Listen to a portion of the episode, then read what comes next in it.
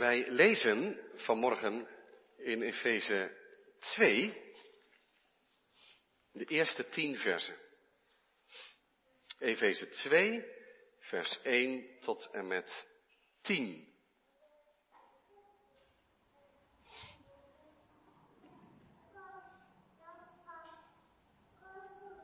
Daar lezen we het woord van de apostel en het woord van God als volgt.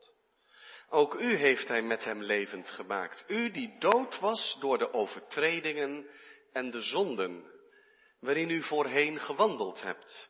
Overeenkomstig de leefwijze van deze wereld, overeenkomstig de wil van de aanvoerder van de macht in de lucht, van de geest die nu werkzaam is in de kinderen van de ongehoorzaamheid onder wie ook wij allen voorheen verkeerden, in de begeerte van ons vlees, door de wil van het vlees en de gedachten te doen. En wij waren van nature kinderen des toorns, evenals de anderen. Maar God, die rijk is in barmhartigheid, heeft ons door zijn grote liefde, waarmee hij ons liefgehad heeft, ook toen wij dood waren door de overtredingen, met Christus levend gemaakt.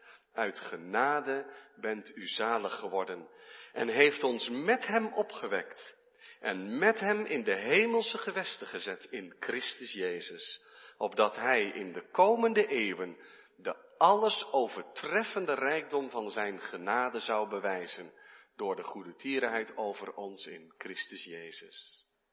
Want uit genade bent u zalig geworden door het geloof en dat niet uit u, het is de gave van God. Niet uit werken, opdat niemand zou roemen, want wij zijn zijn maaksel, geschapen in Christus Jezus om goede werken te doen, die God van tevoren bereid heeft, opdat wij daarin zouden wandelen. Tot zover lezen we Gods woord voor deze dienst. Zalig zijn zij die het woord van God horen en geloven en daaruit leven. Amen. In Efeze 2, vers 5 staat, ook toen wij dood waren door de overtredingen, met Christus levend gemaakt. Uit genade bent u zalig geworden. Gemeente van onze Heer Jezus Christus. Vorige week hebben we Pasen gevierd belangrijkste christelijke feest. Dan is het altijd natuurlijk wat lastig om te zeggen welk feest nou belangrijker is of zo. Maar toch, het is zo het hart van het christelijk geloof.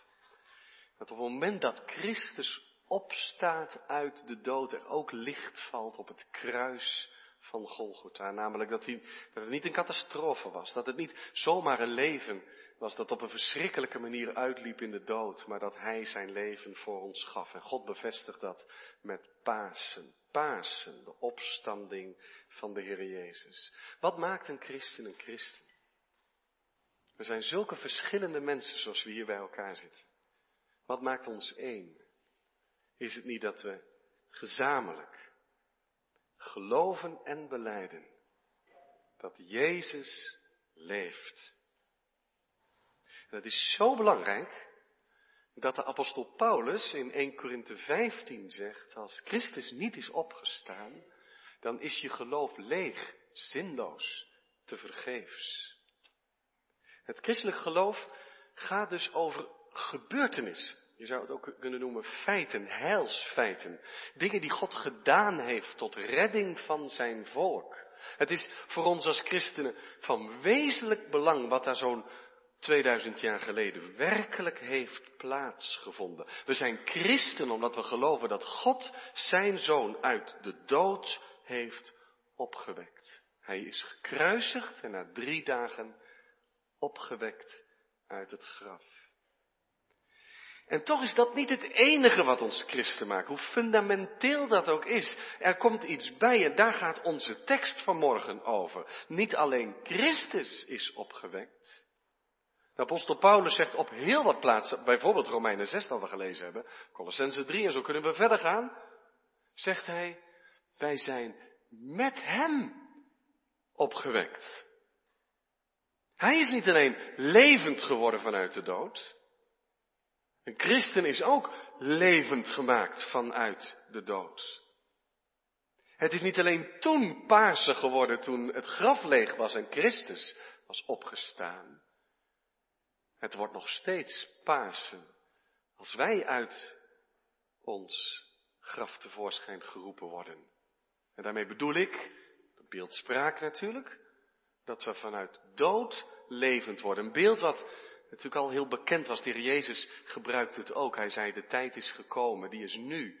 Dat doden zullen horen de stem van de Zoon van God. En wie ze gehoord hebben, die zullen leven.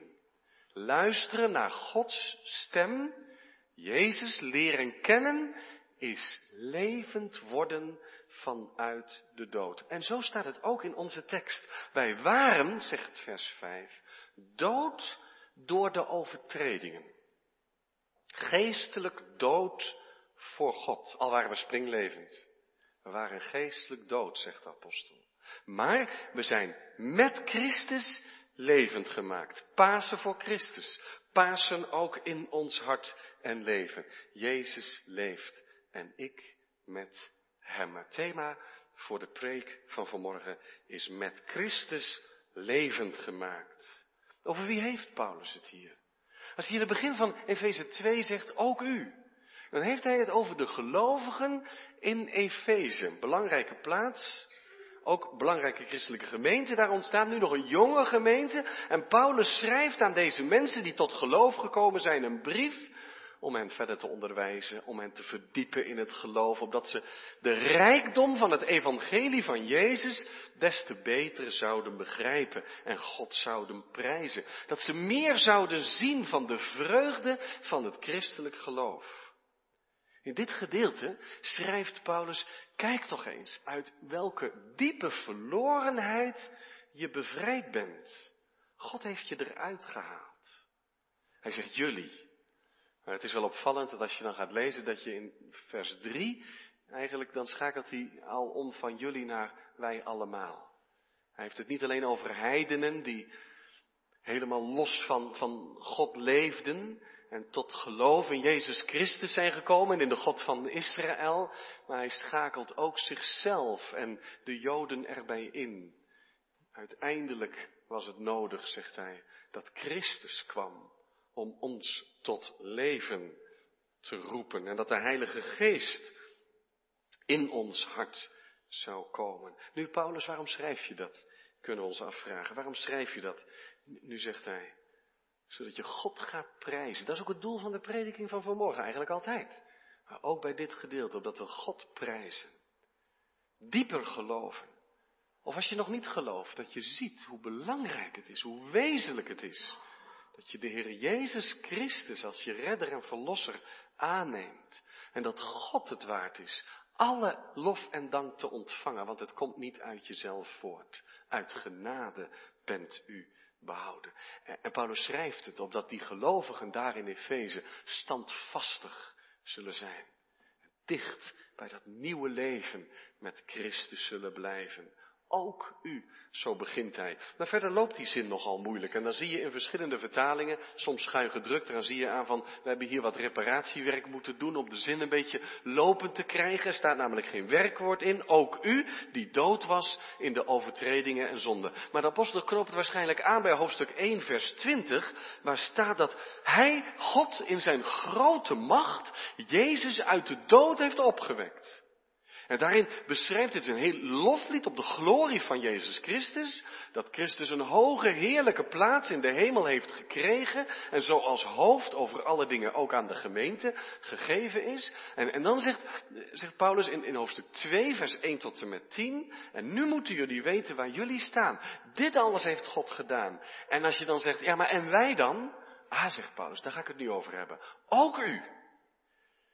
Ook u heeft hij levend gemaakt. En eigenlijk staat het werkwoord dan pas in dat vijfde vers. Ook toen wij dood waren, dan, dan pakt hij die onafgemaakte zin nog even op.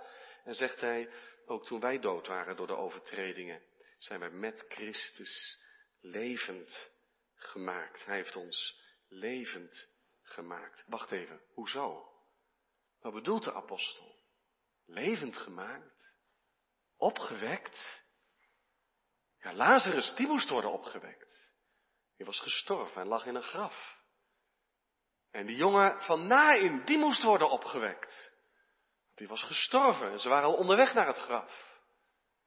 En dat dochtertje van je Iris, die moest worden opgewekt. Die was gestorven, maar hoezo wij dan? We zijn toch niet dood? Ja, Jezus moest worden opgewekt, want hij was echt gestorven en lag in het graf. Hoezo moeten ook wij worden opgewekt? Nu zegt vers 5, en Paulus die, die werkt dat met krachtige woorden uit. Hij zegt, wij waren ook dood. Nee, niet letterlijk in een graf. We leefden allemaal. We leefden ons van de prins geen kwaad, van ons van geen kwaad bewust. We dachten allemaal dat we op de goede weg waren.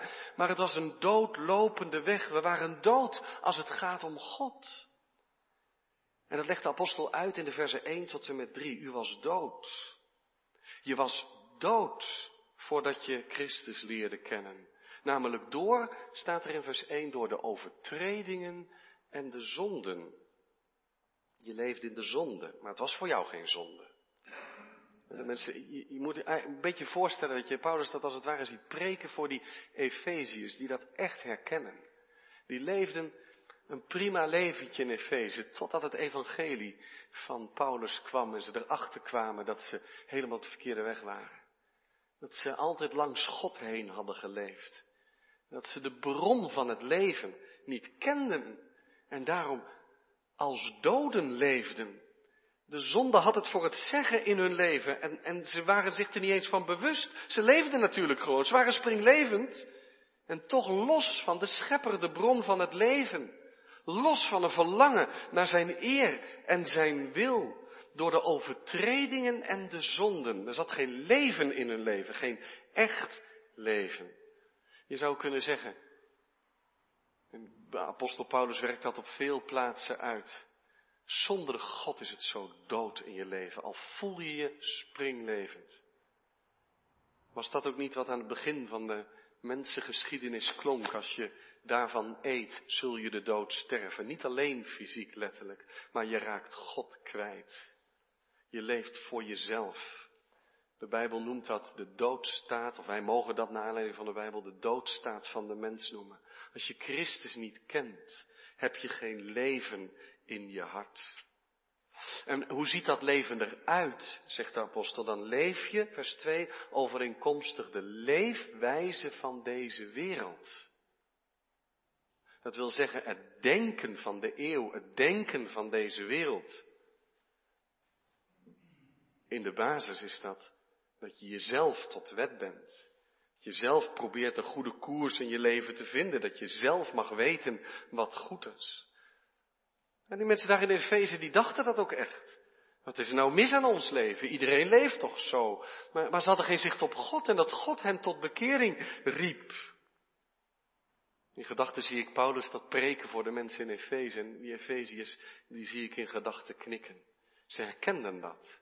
We dachten dat we goed waren. We dachten echt dat we goed waren. Totdat het evangelie kwam. Ik heb het zelf ook wel eens gehad als je ergens naartoe rijdt, je hebt die in de gaten dat je een afslag hebt gemist en je zit heel lekker rustig achter je stuurtje te sturen en je denkt het gaat allemaal goed, totdat je op een gegeven moment denkt, wacht even, dit gaat helemaal niet goed. En dan krijg je zo'n omkeer dat je zegt, hè, wat doe ik hier? Ik zit verkeerd. Ik moet terug. Zo was het ook in het leven van deze mensen gegaan. Misschien herken je dat. Ik hoop eigenlijk dat je dat zelf herkent. In meerdere of mindere mate. Want het maakt natuurlijk verschil of je, zoals die Efeziërs daar misschien wel volwassen was. Of in ieder geval in het heidendom leefde. En dan die grote omkeer meemaakt. Een bekering tot het christelijk geloof. En dan wordt alles anders. Natuurlijk is het verschillend als je van jongs af aan opgroeit. Met de Bijbel en met het geloof. Maar Paulus zegt dus tegen die Efeziërs. Het leven wat je leefde was een leven zonder God. Dat is de dood. En het erge is, zegt de apostel, dan denk je dat je zelf het stuur in de handen hebt. Dat denk je. Je denkt, ik maak mijn keuzes. Maar Paulus zegt, ik kijk er anders tegenaan. Hij zegt in vers 2, dan leef je overeenkomstig de wil van de aanvoerder van de macht in de lucht. Van de geest die nu werkzaam is in ongehoorzame mensen. Kinderen van de ongehoorzaamheid gaat niet over kinderen. Dat is een Hebreeuwse uitdrukking. Ongehoorzamen betekent het. Net zoals in vers 3 kinderen des toorns niet veel anders betekent dan mensen die leven onder de toorn van God. Er is een aanvoerder. Een overste van deze wereld, op andere plaatsen Satan of de duivel genoemd, die je beïnvloedt. Je hebt het niet door, zegt de apostel Paulus, je hebt het niet door. Je denkt dat je zelf heer en meester bent over je eigen leven, maar, maar dat is nou zo kenmerkend van dat leven in de dood.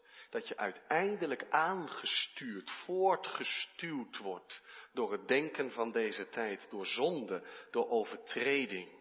Je bent nog onvernieuwd. En dat zorgt ervoor dat je leeft, zegt vers 3, onder wie wij ook allen voorheen verkeerden, in de begeerten van ons vlees. Dat je niet anders een wet hebt dan dat je doet waar je zin in hebt. Leeft volgens je eigen begeerte. Zondige begeerte, begeerte van het vlees. Door de wil van het vlees en de gedachten te doen. Zelfs je denken is op jezelf gericht in hoogmoed. Zelfzucht. Dat is het verschil tussen iemand die zegt, oh God, wat wilt u dat er in mijn leven gebeurt? Of dat je zegt, laat mij het gewoon zelf maar beslissen. Want zo ben je, en dat zijn buitengewoon ernstige woorden, zo leef je onder de toorn van God. Toen de prediking daar in Efeze binnenkwam, toen dan heb je een wonderlijke mengeling van enerzijds toch wel schrik. Hoe kan het dat we die ene heilige God maar niet, gekend hebben? We leefden onder zijn toorn. Dat is schrikken. En tegelijk, maar daar kom ik zo bij. Wat een genade. Wat een liefde van God. Dat zijn woord nu klinkt in ons leven. Kinderen van de toorn. Wij moeten dat diep tot ons door laten dringen. God is liefde. Maar dat strijdt niet met zijn heiligheid en rechtvaardigheid. Paulus werkt het in Romeinen 1 zo uit. Hij zegt, elk mens kan ten diepste God kennen. We zijn zijn schepping. We zijn Gods schepselen. We zijn niet te verontschuldigen. We zien toch iets van de glorie van God. Hoezeer dat in je leven ook verduisterd is. Hoezeer je met mensen spreken kan die zeggen, God, ik heb daar toch geen enkel gevoel bij. En toch zegt de apostel, God is onze schepper. En dit is onze zonde, dat we de schepping, de schepselen zijn gaan eren in plaats van de schepper zelf. En daarom leven we onder de toorn van God, tenzij dat Christus ons redt. Staan we daar wel genoeg bij stil? Niet dat dat het doel is van het evangelie, want het evangelie is het goede nieuws van Gods reddende genade. Maar beseffen wij waaruit we gered zijn? Dat dat uit verlorenheid is. Dat God mensen die van huis uit onder het oordeel van God liggen, dat God die bevrijdt en tot zijn kinderen aanneemt. Jullie, wij allen, zegt Paulus, leefden in de dood onder het oordeel. Dan zegt hij, maar God. Dan heb je in twee woorden een machtig evangelie. Maar God. Die woorden die moet je in je hart sluiten. En vandaag meenemen. En ze een paar keer terug laten komen. Maar God. God die rijk is in barmhartigheid. God die een brandend hart van liefde heeft. Hij heeft naar ons omgezien. Besef dat toch, zegt Paulus. En ik zie de mensen in Efeze knikken met vreugde en misschien tranen in de ogen. Het is alleen aan God te danken, de rijkdom van zijn genade. Want vertel tegen een dode maar eens dat hij eens moet gaan luisteren. Het komt niet bij ons vandaan. Als God zijn genade in je hart groot gemaakt heeft, komt Hij daarvoor hem alle eer toe. Maar God, het kwam van zijn kant. Uit genade bent u gered. Zijn grote liefde is de bron van redding. En, wanneer zie je die liefde? Die liefde zie je aan het kruis, waar Christus uit zoveel liefde zijn leven geeft. Waar God zijn zoon geeft tot in de dood. Gods onbevattelijk rijke liefde. Maar die liefde, die leer je kennen als de Heilige Geest in je hart komt. Als de Heilige Geest je hart opent. Als je zelf tot de ontdekking komt, ik, ik wil niet zonder genade leven en ik kan niet zonder genade leven. En je gaat bidden, je gaat leven met de Heer misschien van jongs af aan, ik hoop het. Of later in je leven dat je God leert kennen in zijn grote liefde. Ook toen wij dood waren, Voel je dat aan? Dat God niet bij ons zegt, ah, dat is iemand die vraagt er zo goed om. Dat is iemand die bekeert zich zo prachtig. Daar moet ik me maar eens over ontfermen. Nee, wij waren dood. Was geen vraag van ons naar God. Maar God in zijn grondeloze barmhartigheid zocht ons op. Niet uit u. Opdat niemand trots wordt, hoogmoedig wordt voor God of gaat roemen voor God. Maar het is alleen door de genade van God. Maar God, neem die woorden in je op en laat ze vandaag terugkomen. Maar God, God riep tot leven, onverdiend. En Hij heeft ons met Christus levend gemaakt. Dat is tot geloof komen. Dat je uit de dood geroepen wordt tot het leven. Met Christus staat er. Met Christus levend gemaakt. Dat wil zoveel zeggen als jullie zijn Efeziërs in Hem gaan geloven. En daardoor ben je aan Hem verbonden geraakt. Je had de Heer Jezus Christus zo lief.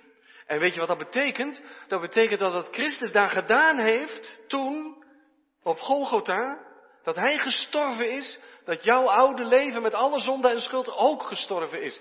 En toen hij werd opgewekt, dat jullie met hem mee zijn opgewekt in een nieuw leven. Ja, maar daar was ik nog niet eens bij, zouden de mensen in Efeze zeggen. Nee, dat is wel waar. Maar dat gebeurt dus als de Heilige Geest je leven binnenkomt.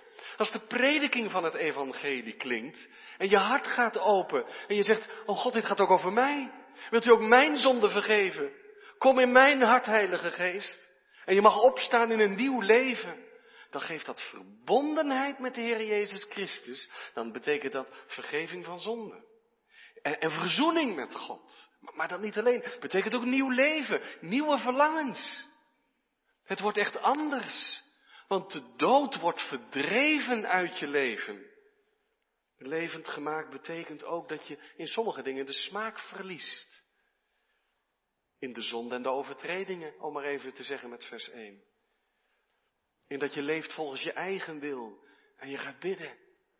Heer, niet mijn wil, maar laat uw wil in mijn leven centraal staan. Dat ik dat ook wil, want daar krijg je nieuwe smaak in.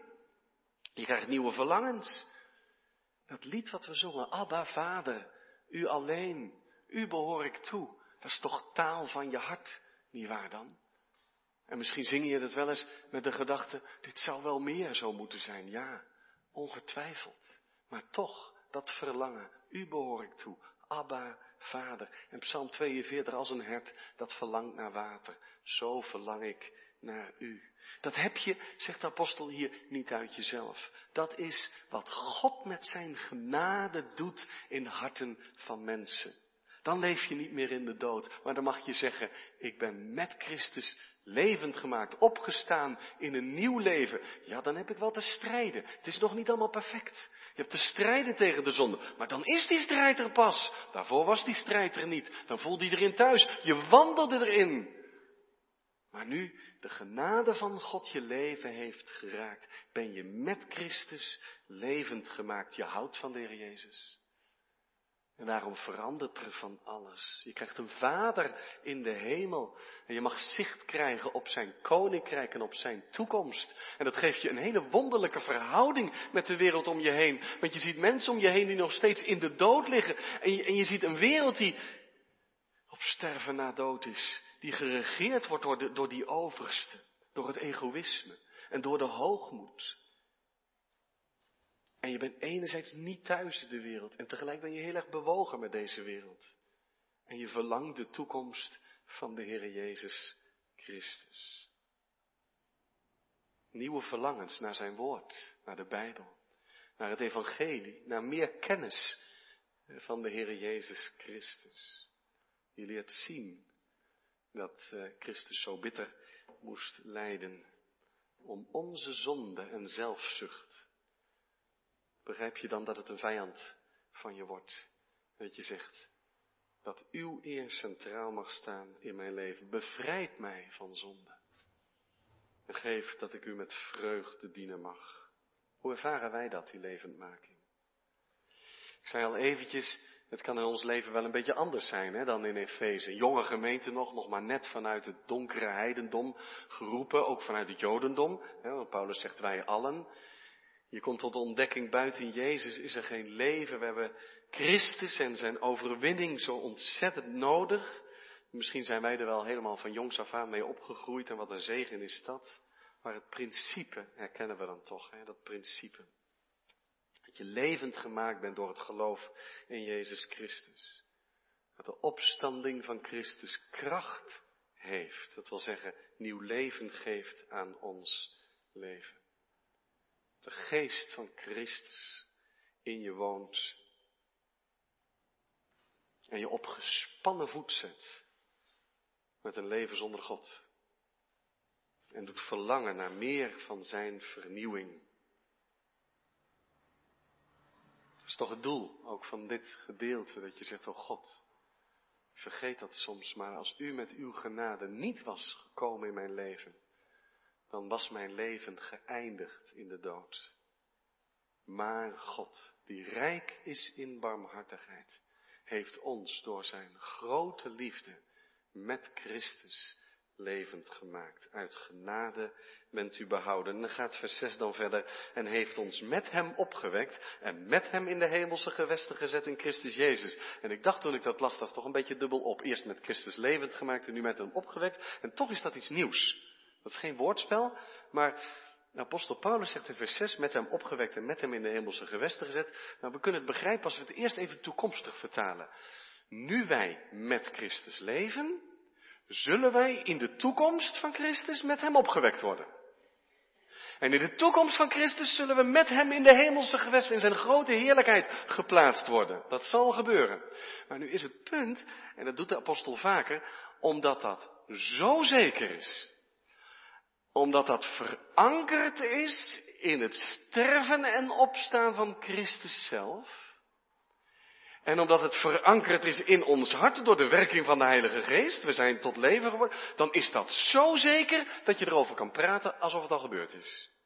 Daarom zegt hij, hij heeft ons met hem opgewekt, want omdat Jezus is opgewekt met Pasen, weten wij dat wij met hem zullen opgewekt worden in heerlijkheid. En omdat Jezus aan de rechterhand van God gezet is naar zijn hemelvaart, mogen wij weten dat wij tot in eeuwigheid zullen delen in zijn heerlijkheid. Het is al een feit. Al leven wij nog hier. Wij hebben er deel aan, zo zeker als we bij de Heer Jezus Christus horen. Broeders en zusters, jongeren, jongens en meisjes. Beseffen we dit, de dingen die hierin naar voren komen? Nee, het kan niet voldoende. Het kan niet genoeg, volledig bedoel ik. Het doel van Paulus is laten diep tot je doordringen. De rijkdom van het evangelie. Uit zo grote verlorenheid. Door zoveel liefde gered. Ik was dood. Maar nu leef ik. Alleen God de eer. Laten wij diep bewogen zijn. Met mensen die Jezus niet kennen. Die naar het woord van de apostel nog voortgedreven worden door het leven onder aanvoering van machten van duisternis, die Christus niet kennen en nog dood zijn. Ze moeten tot leven komen. Misschien door ons getuigenis. Laten we ervoor bidden. Kan het zijn dat hier iemand is die zelf nog in de dood leeft? Onder de toorn van God. Omdat je Jezus nog niet hebt aangenomen als je redder. Het is nog niet te laat. Want diezelfde God, in zijn grote liefde en barmhartigheid, spreekt jou vanmorgen aan en zegt, kom tot mij en vind het leven. God roept met de kracht van zijn woord en met de kracht van zijn geest mensen vanuit de dood tot het leven. Geloof in de Heer Jezus. Bid daar ook om. Maak mij levend, zoals u hebt beloofd. Dan is het Pasen. Pasen ook in ons leven. Jezus leeft en wij met Hem. Amen.